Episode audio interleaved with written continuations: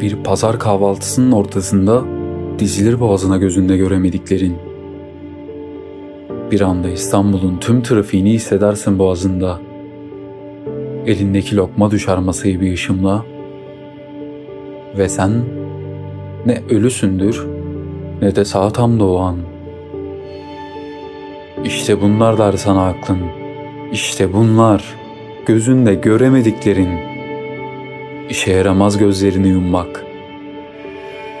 Binlerce pişmanlık nüfuz ederken hücrelerine, doğru sandığın binlerce yalan yankılanırken kulaklarında, ne sesini duyurabilirsin kendine bile, ne de atlayabilirsin pencerenden.